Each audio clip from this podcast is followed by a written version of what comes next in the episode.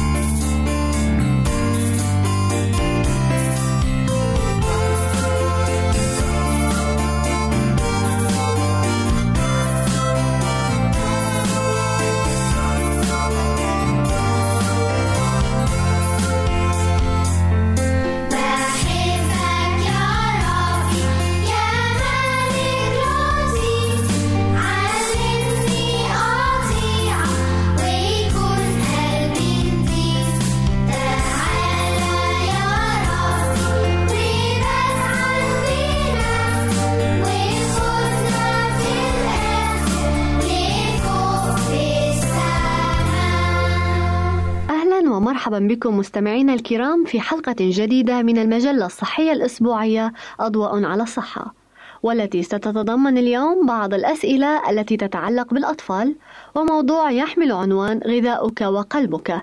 إضافة إلى بعض المعلومات العامة. راجين أن تقضوا مع حلقة اليوم أوقاتا مفيدة وممتعة.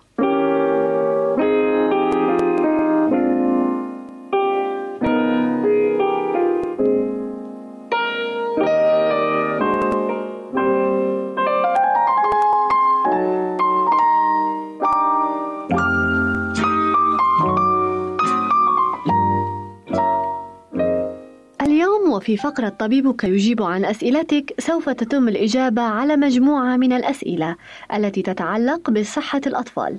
وسنبدأ أولا مع هذا السؤال والذي يتعلق بالأطفال الخدج. تقول السائلة طفلتي ولدت خديجا فهل تكون معرضة للمرض أكثر من الأطفال الذين ولدوا في الشهر التاسع من الحبل؟ يحتاج الطفل المولود خديجا إلى عناية خاصة خلال العام الأول من حياته. وكذلك إذا حدثت مضاعفات أثناء الولادة أو متى ولد صغير الحجم. على كل متى كان وزن الطفل من هذا النوع 10 إلى 12 باوند أي حوالي 5 كيلوغرامات فإنه يكون كغيره من الأطفال الذين من وزنه أم أخرى حائرة تسأل قائلة: إن طفلي يتعرض لنوبات تشنجية أثناء الحرارة المرتفعة، فهل يمكن أن يسبب هذا احتمال إصابته بالصرع؟ كلا. فالكثير من الأطفال الذين أصيبوا بالتشنجات خلال ارتفاع شديد في حرارتهم لا يكون لها أي رد فعل سيء في وقت لاحق وهم لا يتعرضون للإصابة بالصرع وقد يعمد الطبيب إلى التوصية بإجراء تخطيط للدماغ بعد نوبات التشنج ولكن النتائج ستكون مطمئنة. لا أثر فيها للتموجات الخارجة عن الحالة الطبيعية. إذا أصيب طفلك بالتشنج تذكري بأنه لا يستبعد أن يتقيأ وقد يؤذي نفسه باصطدامه بأشياء صلبة. لذلك حاولي أن تديري رأسه جانبا تجنبا له من استنشاق القيء. وابعدي كل شيء ضار عنه. وإذا اضطررت إلى التقليل من حركته فافعلي هذا بلطف ورقة. لا تعمدي إلى القهر والعنف. ولن تلبث التشنجات أن تهدأ وتتلاشى. والجدير بك متى حصل هذا أن تلازمي طفلك فلا تهرعي دون روية إلى طلب المساعدة بل ابقي معه. الكوليسترول. إذا ما تحدثنا عن هذه الكلمة في وقتنا الحالي فليس من المستغرب أن يقفز إلى الأذهان في الحال ما يصاحبه من أمراض القلب والدورة الدموية. والكوليسترول مادة كيميائية مصاحبة للدهون. ويوجد في جميع الأطعمة الحيوانية ولكنه لا يوجد في الأطعمة النباتية ولا يعتبر مادة غذائية أساسية لأن الجسم يمكن أن يصنعه في الكبد من مواد أخرى. فمثلا الغذاء اليومي المعتاد يحتوي على صفر عدد صحيح وثلاثة من مية إلى واحد غرام كوليسترول ولكن ما يتم تصنيعه داخل الجسم قد يصل إلى ضعفي أو ثلاثة أضعاف هذه الكمية. ويعتبر صفار البيض من أغنى مصادر الكوليسترول في الغذاء. فمثلا صفار بيضتين يحتوي على 0.6 من عشرة جرام كوليسترول. ومن المعلوم أن هناك علاقة وثيقة بين تصلب الشرايين وبين أمراض القلب كالذبحة الصدرية والجلطة الدموية. فتصلب الشرايين يكون مصحوبا بنمط غذائي معين يتميز بارتفاع كمية السعرات في الأكل وارتفاع نسبة الدهون المشبعة. أي الدهون الصلبة أو الحيوانية ثم ارتفاع كمية الكوليسترول في الغذاء. والحقيقة أن العامل الأهم الذي يحدد كمية كوليسترول الدم في أي مجتمع من المجتمعات هو نوعية الغذاء وعلى وجه التحديد هو نسبة السعرات المستمدة من الدهون الحيوانية المشبعة إلى تلك المستمدة من الزيوت النباتية غير المشبعة وكذلك كمية السعرات الكلية في الغذاء. فإن الدهون الحيوانية المشبعة كالسمن ترفع نسبة كوليسترول الدم بينما الزيوت النباتية غير المشبعة لها تأثير عكس ذلك. أما كمية الكوليسترول في الطعام فلها تأثير أقل على نسبة كوليسترول الدم. وذلك لأن الجسم يمكنه أن يكون كوليسترول بداخله كما ذكرنا سابقا. ومن بين العوامل العديدة المتشابكة التي تؤدي إلى الإصابة بأمراض القلب هي كمية الدهون في الدم. ولمعرفة مستوى الدهون فإن قياس نسبة الكوليسترول يعتبر أسهل الطرق ويغني عن قياس أنواع الدهون الأخرى الأكثر تعقيدا. والسؤال الهام الآن هو ما هو معدل كوليسترول الدم الذي يمكن اعتباره في حدود المعدلات الطبيعية؟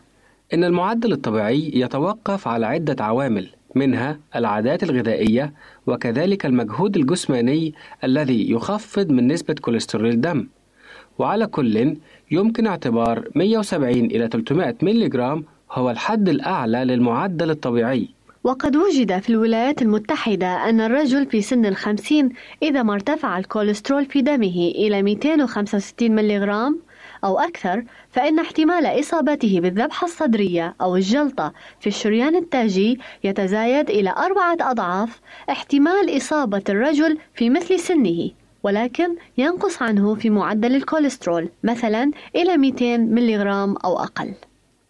الدهون كما ذكرنا من قبل فإن الأحماض الدهنية غير المشبعة تؤدي إلى انخفاض نسبة كوليسترول الدم وهي توجد في الزيوت النباتية وكذلك في دهن الطيور أو الدواجن. أما الكوليسترول نفسه فإن أغنى مصادره هي المخ صفار البيض الكلاوي والزبدة. وعلى كل فإن البيض والزبدة تعتبر من أهم المصادر للكوليسترول في الدم. فمثلا يمكن استبدال الزبدة البلدي بالزيوت النباتية السائلة. الجيلاتي والحلوى الدسمة يجب تجنبها.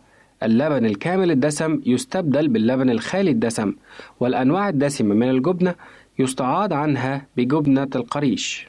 السكريات. لقد وجد من الأبحاث أن السكريات في الغذاء وخاصة سكر القصب سكر الطعام تزيد من نسبة الدهون في الدم. وبالتالي يمكن أن تزيد من احتمالات الإصابة بمرض تصلب الشرايين وما يتبعه. لذلك فإنه من الأفضل عدم الإكثار من الحلوى مثل الكنافة والقطايف والبقلاوة وإلى آخره. فيتامين جيم فيتامين ج له دور فعال في عملية التمثيل الغذائي للكوليسترول. ويؤدي إلى انخفاض نسبة كوليسترول الدم. ولذلك ننصح بالإكثار من الفواكه وخاصة الموالح أي الحمضيات. الزبادي أي اللبن.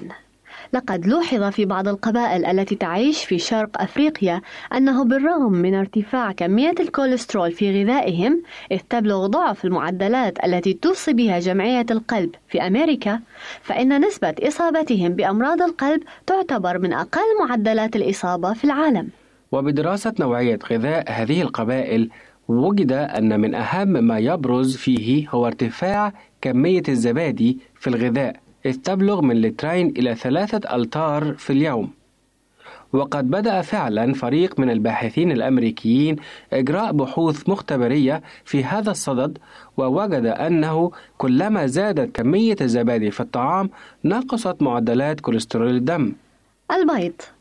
نظرا لارتفاع نسبة الكوليسترول في البيض لذلك فإننا ننصح الفئات المعرضة لتصلب الشرايين أن لا تزيد من استهلاكها من البيض على اثنين إلى ثلاث بيضات في الأسبوع.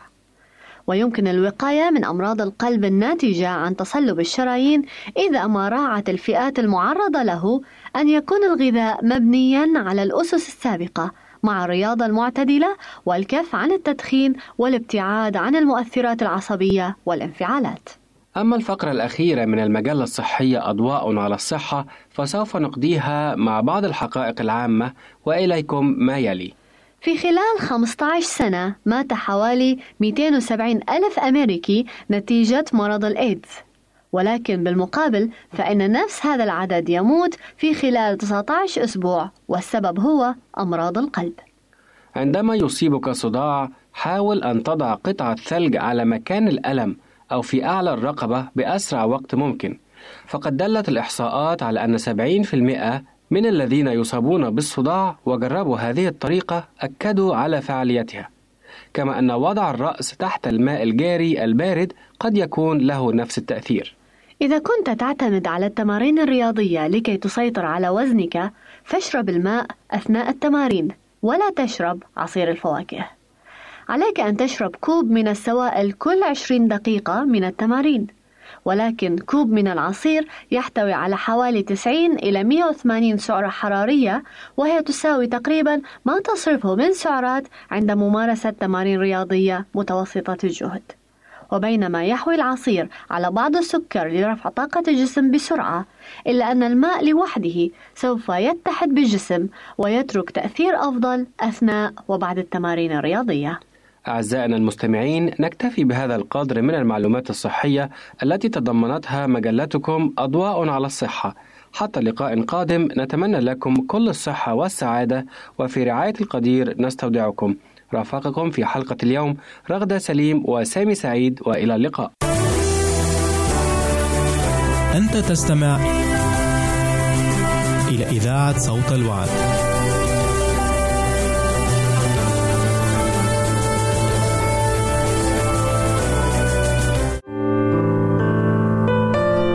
المستمع.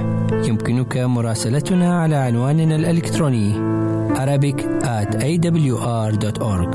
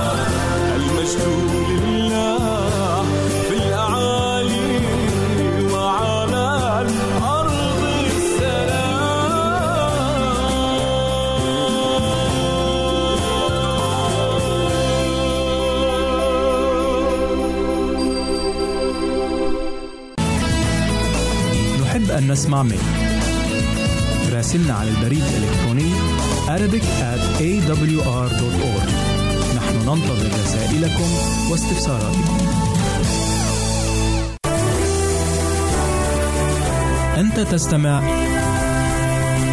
إلى إذاعة صوت الوعد.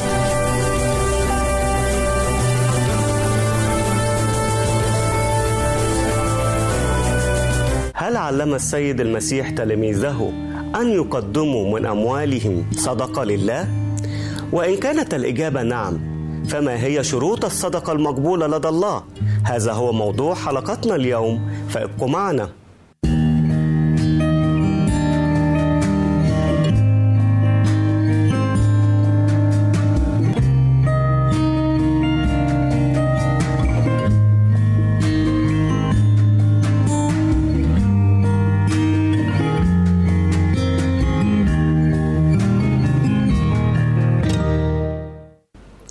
وسهلا بكم. حلقة اليوم هنتكلم عن الصدقة. ماذا علم السيد المسيح عن فعل الصدقة؟ ليه هي ضرورية؟ ليه المفروض إن إحنا نتصدق من أموالنا ومن وقتنا ومن مجهودنا؟ وليه ينبغي علينا إن إحنا نشعر بالآخرين؟ نقرأ ما قاله السيد المسيح عن الصدقة في إنجيل متى إصحاح ستة من عدد واحد إلى عدد أربعة. يقول السيد المسيح احترزوا من أن تصنعوا صدقتكم قدام الناس لكي ينظروكم. وإلا فليس لكم أجر عند أبيكم الذي في السماوات. فمتى صنعت صدقة فلا تصوت قدامك بالبوق.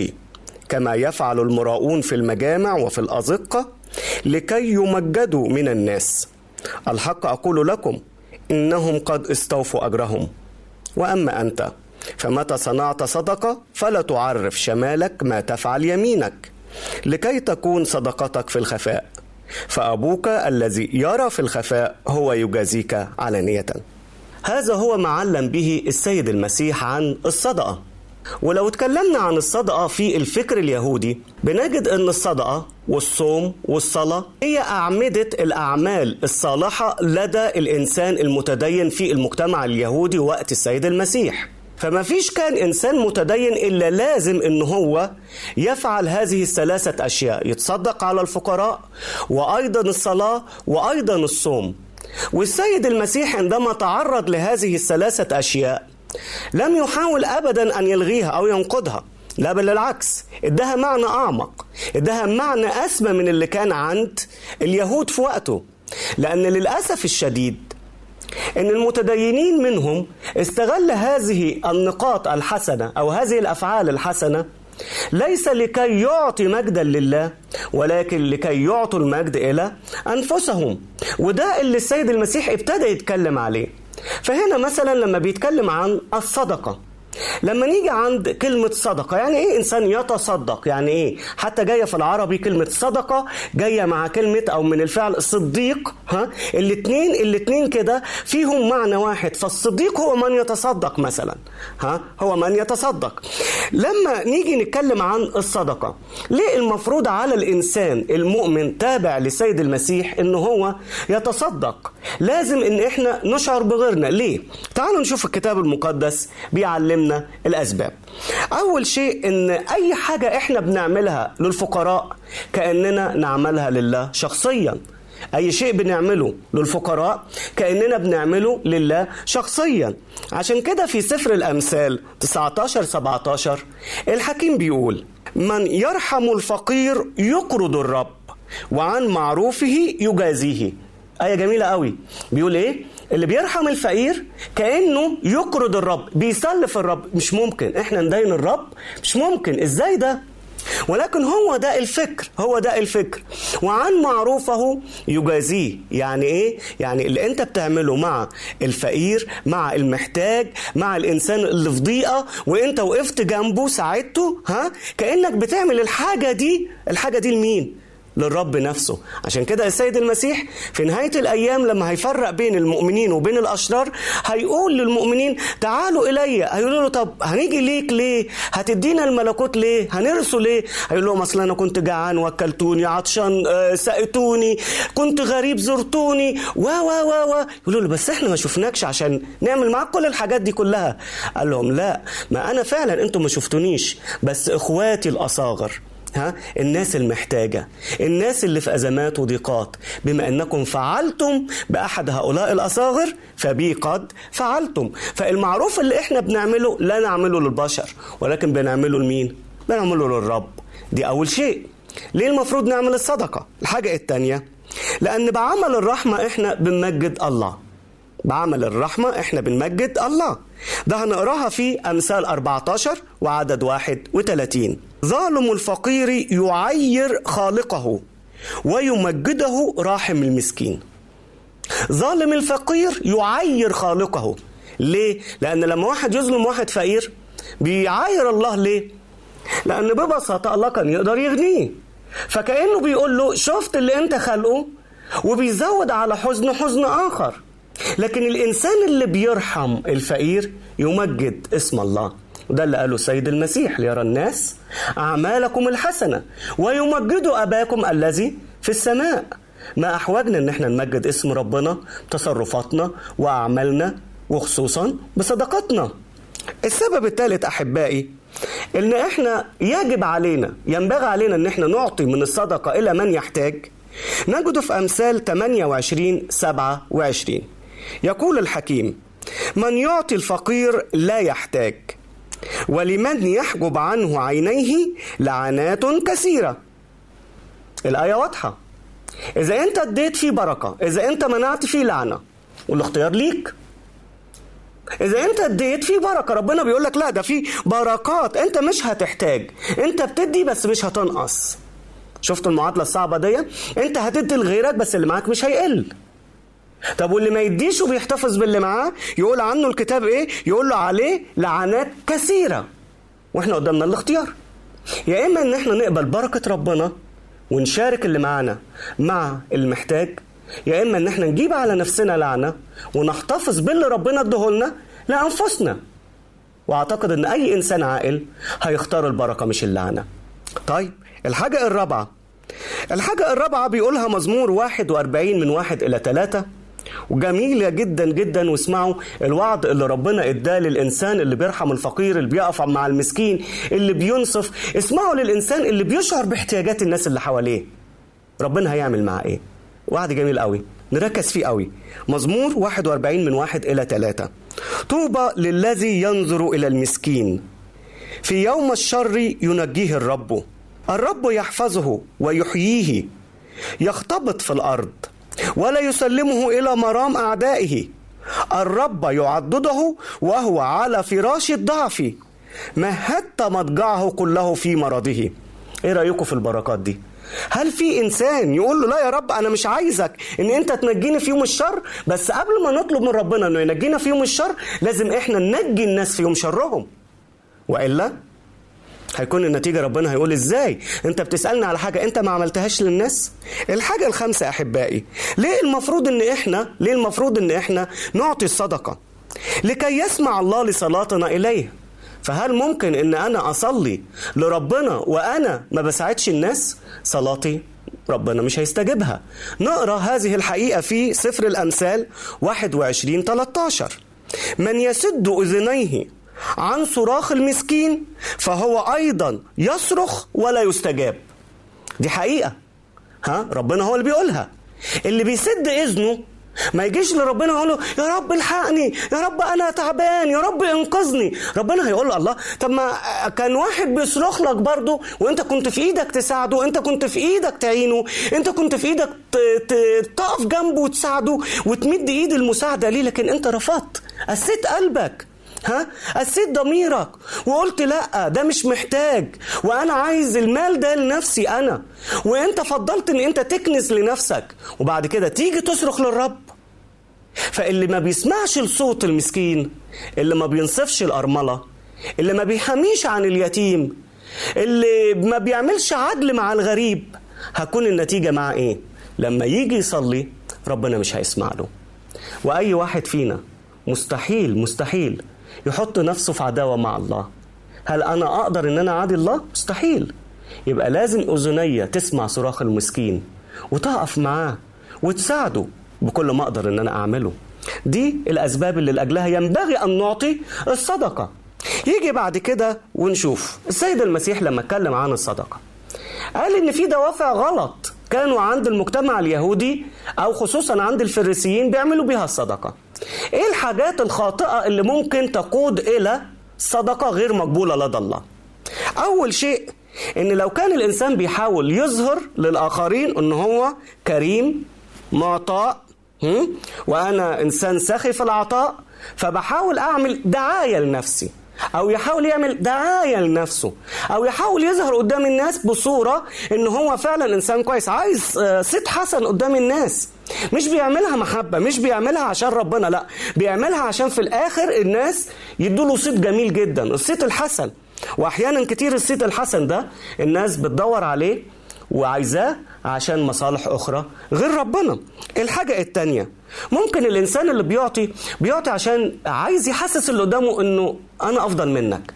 وعشان أثبت لك إن أنا أفضل منك أنا هتجمل عليك أو أنا هديك شيء من معايا ها؟ أنت محتاجه. فبالشكل ده الإنسان اللي بيعطي بيثبت إيه؟ بيثبت حقيقة. إن أنت أقل مني وأنا أعلى منك. والدليل على كده إن أنت احتجتني والدليل على كده إن أنت لما احتجتني أنا اديتك وأنا أعطيتك من ما معي. لما يكون ده دفع صدقة ما تبقاش صدقة ابدا. لما يكون ده دفع العطاء يبقى دفع غلط دفع شرير. ربنا ما يقبلوش. هو إحنا بندي عشان نحسس الناس بالدنوية وإنهم أقل منا شأنا وإنهم بدوننا لا يستطيعوا أن يفعلوا شيء. ما تبقى الصدقة ابدا. الدافع الثاني الغلط يا أحبائي اللي نقدوا أو انتقدوا السيد المسيح إن في ناس دايما بتحاول تدي عشان تنال الشكر عشان تنال الشكر. دايما بتحب تسمع كلمات الثناء من الناس والمدح وإنت كريم ده باباك كان كريم ومامتك كانت كريمة ده أنت من عيلة كويسة ده أنت مش عارف إيه ربنا يطول عمرك. في ناس بتتلذذ بتتلذذ إنها تسمع الثناء والمدح والشكر من الآخرين. طب بس بيجي هنا السؤال. طب افترض اللي أخد العطية لم يمدحني ولم يثني عليا هعمل إيه؟ هدي ولا مش هدي؟ الإنسان اللي بيدور على المدح بس لا مش هيدي. ليه؟ هيقول لك ده ما يستحقش. ليه ما يستحقش؟ مش لأنه ظروفه صعبة. في الحقيقة هو بيقول ما يستحقش. ليه؟ لأنه ما خدش اللي هو عايزه. أنا اديتك الحسنة أنا اديتك المال عشان في الآخر أنت تشكرني وعشان الآخر أنت تمدحني وعشان الآخر تعمل لي صيت حسن في وسط الناس. لو ما عملتش كده يبقى أنا مش هديك. هل ده دافع نبيل للصدقة؟ لا ده دافع شرير. هنكمل أحبائي بعد الفاصل. الدوافع الأخرى الخاطئة التي انتقدها السيد المسيح عن الصدقة. فابقوا معنا.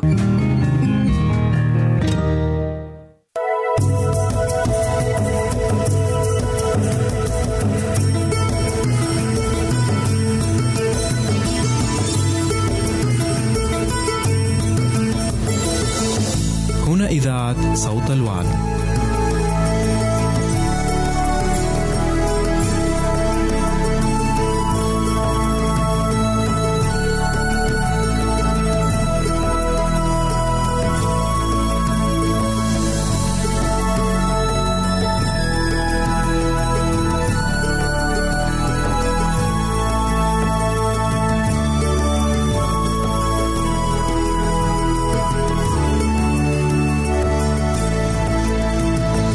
عزيزي المستمع يمكنك مراسلتنا على البريد الإلكتروني التالي Arabic at awr.org العنوان مرة أخرى Arabic at awr.org ونحن في انتظار رسائلك واقتراحاتك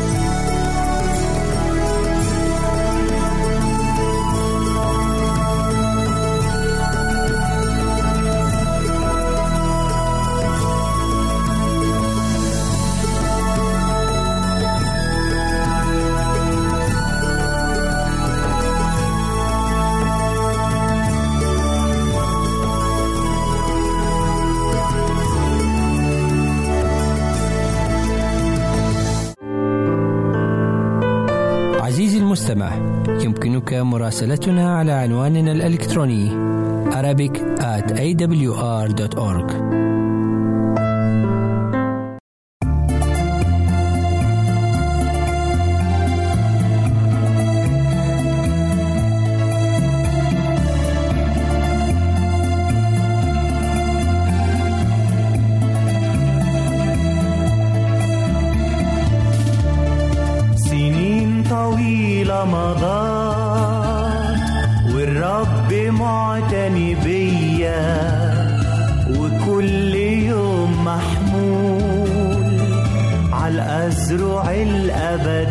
الأبدية سنين طويلة مضت والرب معتني بيا وكل يوم محمول على الأزرع الأبدية. ويسوع بيده ماسكني في مراع خضر رابطني ويسوع بيده ماسكني في مراع خضر رابطني ملك الملوك يا يسوع يا سيد الأسياد. نفوسنا بانتظار تأخذنا للأمجاد.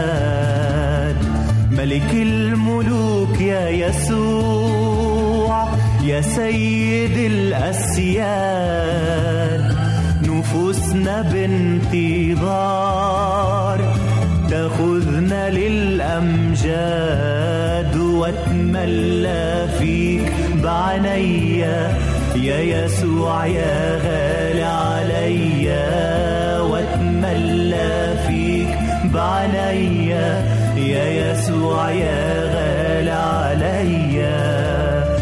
يسوع سباني بحبه والقلب بقي فرحان وعد يجينا من مجده وتنتهي الأحزان. يسوع سباني بحبه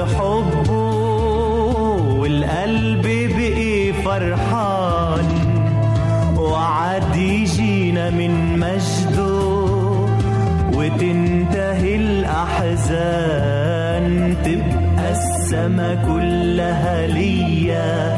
أعظم ما فيها فدية تبقى السما كلها ليا.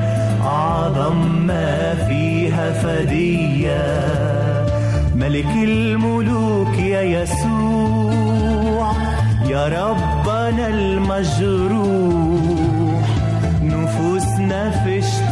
اشتياق أن تمتلي بالروح.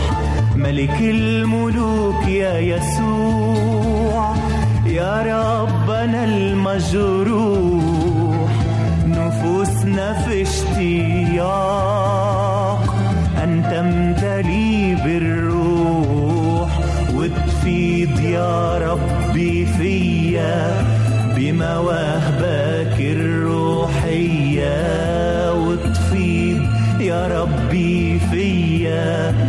بمواهبك الروحية.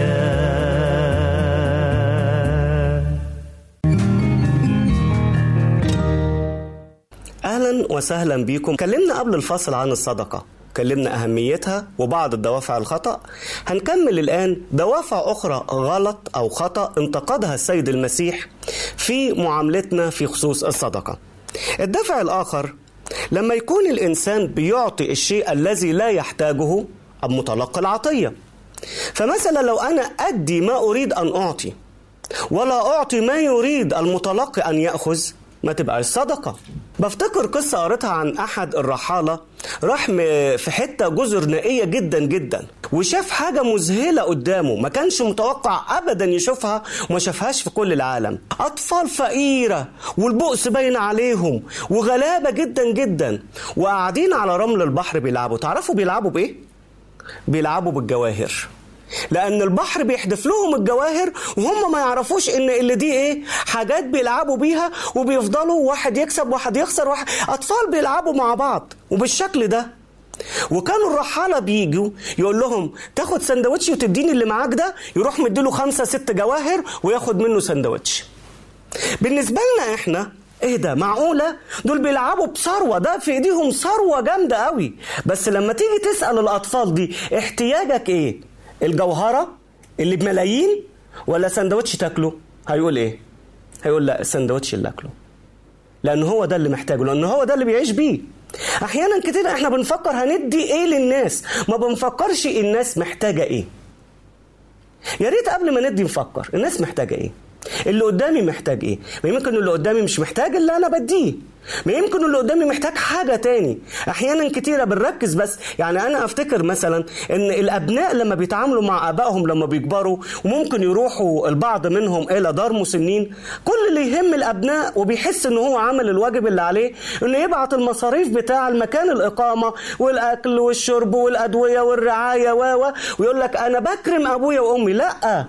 الأب والأم مش محتاجين ده وبس محتاجين الابن نفسه ومحتاجين أولادهم يكونوا معاهم. فلو قلت للأب والأم عايز المال ولا عايز أولادك؟ يقول لأ أولادي أحسن أولادي أحسن. فلما تيجي ترضي الآخرين فكر الآخر محتاج إلى إيه؟ الآخر محتاج إلى إيه؟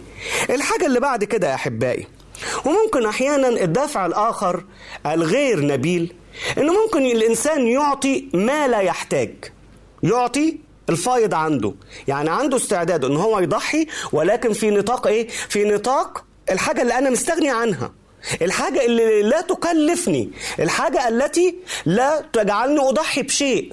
وده مثلا أنا بفتكر قصة عن الملكة ميري كانت مرة نزلت آه، تتمشى وكانت محبوبة جدا جدا من الشعب. فخدت بس معاها كده إيه عسكريين ثلاثة من الحرس بتاعها وهي بتتمشى مطرت مطرت قوي قوي. وما كانتش واخدة معاها الشمسية بتاعتها المظلة بتاعتها.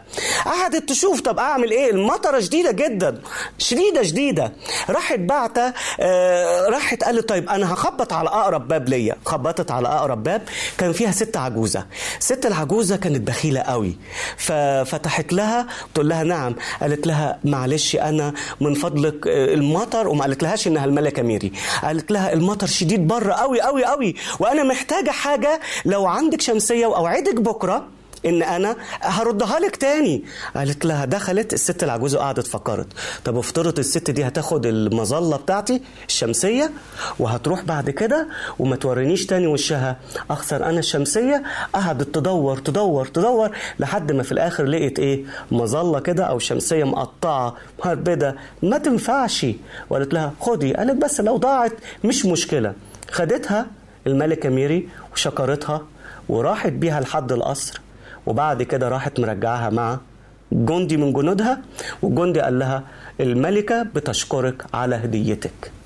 وأول ما عرفت إن الشخص اللي كانت بتقرأ على الباب هي الملكة ميري بذاتها ندمت وقالت بقى لما الملكة تيجي لحد عندي أنا أديها أسوأ ما عندي أنا أديها أسوأ ما عندي. تفكر أو تذكر أحبائي إن أي حاجة إحنا بنعملها مش بنعملها للإنسان المحتاج إحنا بنعملها لربنا.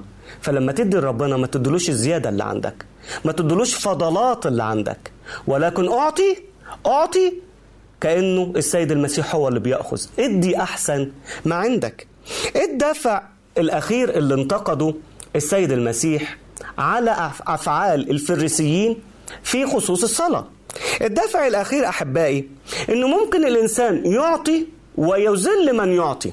يعطي ويذل من يعطي. وعشان كده في حكمة بتقول إيه؟ خير لك من أن لا تعطي عن أن تعطي وتخجل من يأخذ. خير لك أن لا تعطي. من إن الواحد يدي ويخجل غيره.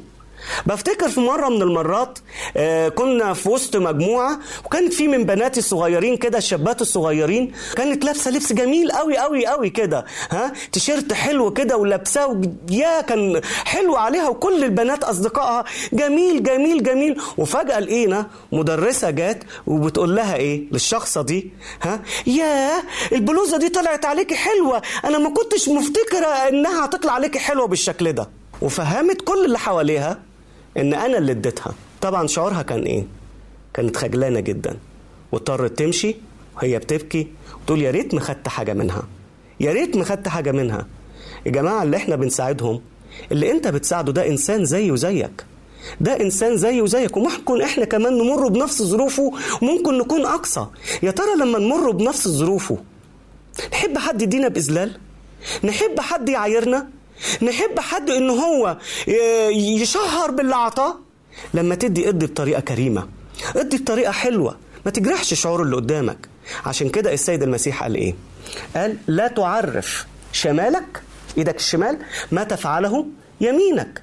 إذا إيدك الشمال ما تعرفش اللي إيدك اليمين بتعمله فما بالك بقى أولادك أو زوجتك أو بابا أو ماما أو العيلة أو الجيران ما تعملش لنفسك دعاية. خلي حتى خلي حتى المعنى المجازي جميل قوي. يعني إيدك الشمال ما تعرفش إيدك اليمين بتدي إيه؟ يبقى ما تعرفش أي حد. وده اللي قال عليه السيد المسيح أو انتقده. لما نيجي نتكلم عن الصدقة كيف نعطي؟ إزاي ندي صدقتنا للي محتاجها؟ إزاي؟ أول حاجة لازم إن إحنا نعرف إن أي عمل بنعمله لا يوجد فيه محبة غير مقبول لدى الله. حتى لو نسمع الآية اللي جاية في كورنثوس الأولى 13 3 وإن أطعمت كل أموالي وإن سلمت جسدي حتى احترق ولكن ليس لي محبة فلا انتفع شيئا. إن أطعمت كل أموالي يعني لو وزعت كل أموالي ها ولكن ما عنديش محبة فلا أنتفع شيئا. يعني إيه؟ يعني لو ما فيش محبة يبقى كل اللي بنعمله لا قيمة له لسبب بسيط إن الله محبة ولا يقبل إلا فعل المحبة. فيا ترى إحنا لما بندي للآخرين بنعطي بنتصدق هل لأننا بنحب ولا في دوافع أخرى؟ يا ريت تكون المحبة. الحاجة التانية لما نعطي لا نخجل من نعطي. لا نخجل من نعطي. ما نعملش زي الأخت اللي عايرت البنت. آه ده طلع جميل عليك وتحرجها قدام. الناس ما تخجلوش. حافظ على كرامته حافظ على حيائه حافظ على ماء وجه اللي ال- المتلقي العطاء. خليك دايما حاسس إنه إنسان وإنه إنسان وقع في ظروف والظروف دي ممكن تجيلك أنت كمان. فبما إنك تريد أو عايز الطريقة اللي تتعامل بيها عامله أنت كمان بيها. فلا تخجل من يأخذ العطية. الحاجة الثالثه يا أحبائي أحيانا كتير إحنا بندور بننتظر الناس تجيلنا. لكن تعرفوا السيد المسيح ما كانش بينتظر الناس تجيله. اللي بيجيله بيقدم له المساعدة. بس لو ما حدش جاله تعرفوا كان بيعمل إيه؟ تعالوا نقرأ في سفر أعمال الرسل 10 38 بيقول عنه آه، بطرس الرسول اللي كان ملازم ليه يسوع الذي من الناصرة كيف مسحه الله بالروح القدس والقوة؟ الذي جال يصنع خيرا ويشفي جميع المتسلط عليهم إبليس لأن الله كان معه. إيه اللي كان بيعمله السيد المسيح هنا؟ كان يجول يعني إيه يجول يعني من مكان لمكان من مكان لمكان. بيعمل إيه؟ بيجول عشان إيه؟ عشان مصالحه؟ دعاية انتخابية؟ داخل مجلس الشعب؟ هيرشح نفسه للرئاسة؟ لا. ده كان بيجول عشان يصنع خيرا. كان بيقول عشان يشفي الناس عشان يقيم الموتى عشان يعزي الحزانة. كان يقول يقول ما بيقعدش ما بيقعدش. طب ماذا عنا ماذا عنا هل إحنا بنقول نصنع خيرا؟ هل بنقول ندور على الإنسان المحتاجين؟ صدقوني يا جماعة معظم الناس اللي بيخبطوا على البيبان دول مش محتاجين. لكن الناس المحتاجين الحقيقيين بيبقى عندهم حياء يمنحهم حيائهم إن هم يسالوا دور على دول. دور على دول اللي هم خلف الأبواب محدش شايفهم. اللي عندهم كبريائهم يمنحهم من السؤال وبيعانوا في صمت. هم دول اللي محتاجين إن أنت تروح وتتصدق لأجلهم. فتش عنهم. ولا ولا تغلظ قلبك. أحبائي السيد المسيح في بداية حديثه قال احترزوا من أن تصنعوا صدقاتكم قدام الناس. يعني خلي بالك الصدقة قدام الناس رياء. ابعد عنه. لكن عايز تعمل الشيء اعمله بمحبة. اعمله بقلب طاهر نقي. اعمله بدون ما تنتظر مقابل. اعمل الخير اللي الناس محتاجاه مش اللي انت عايز تديه. ادي من احتياجك مش تدي من فضلاتك. ودائما تذكر إن كما تريد أن يفعل بك افعل أنت هكذا أيضا. مع الآخرين. أحبائي إن الرب يعطينا الكثير والكثير. والرب عندما يعطي لا يعير فهو يعطي بسخاء ولا يعير أحد. فالرب كريم في العطاء وهو يسأل أولاده أن نتعلم منه. أن نتعلم منه كيف لا نقسي قلوبنا على المسكين والفقير. كيف نرحم من هم في ضيق واضطهاد. كيف نعين من لا معين له ونرحم من لم يرحم من الآخرين. الرب يسألنا أن نساعد الآخرين. ويكون لنا نفس القلب المحب الذي له. فإن كنا فعلا نريد هذا القلب فلماذا لا نسأل الله أن يعطينا قلبا جديدا؟ يحس ويشعر. قلبا جديدا يختلف عن القلب السابق. ويجعلنا الله دائما أن نكون نورا للعالم ومنحا للأرض. فإن كانت هذه هي صلاتنا فإحنا رؤوسنا معا لنطلب من الرب هذه الطلبة. إلهنا القدوس بنشكرك. نشكرك يا من تعطينا كل شيء. نشكرك يا رب يا من لا تبخل علينا بأي شيء. نشكرك إلهنا لأنك دائما كريم في عطائك وسخي أيضا. والأهم يا رب أنك لا تعير أحد منا على ما تعطي. ساعدنا يا رب نكون زيك. ساعدنا يا رب نقتدي بيك. أعنا دايما يا ربي لكي يكون في قلوبنا رحمة وشفقة. على الآخرين في ضيقتهم وفي تجاربهم وفي مصائبهم. أعنا جميعا يا ربي لنكون كاملين أمامك كما أنت كامل. أصلي لأجل كل من استمع الكلمة أن تعطيهم نعمة وبركة وأن تعطيهم من كل خيرك وأن تعطيهم دائما يا ربي أن يكونوا معك في ملكوت السماوات. أشكرك لأنك دائما تسمعنا وتستجيب. في اسم مخلصنا وفدينا السيد يسوع المسيح. استجيب ولك منا كل الإكرام والمجد. آمين. سعدت أحبائي بوجودي معكم. على أمل اللقاء في حلقة أخرى. سلام الرب معكم وإلى اللقاء.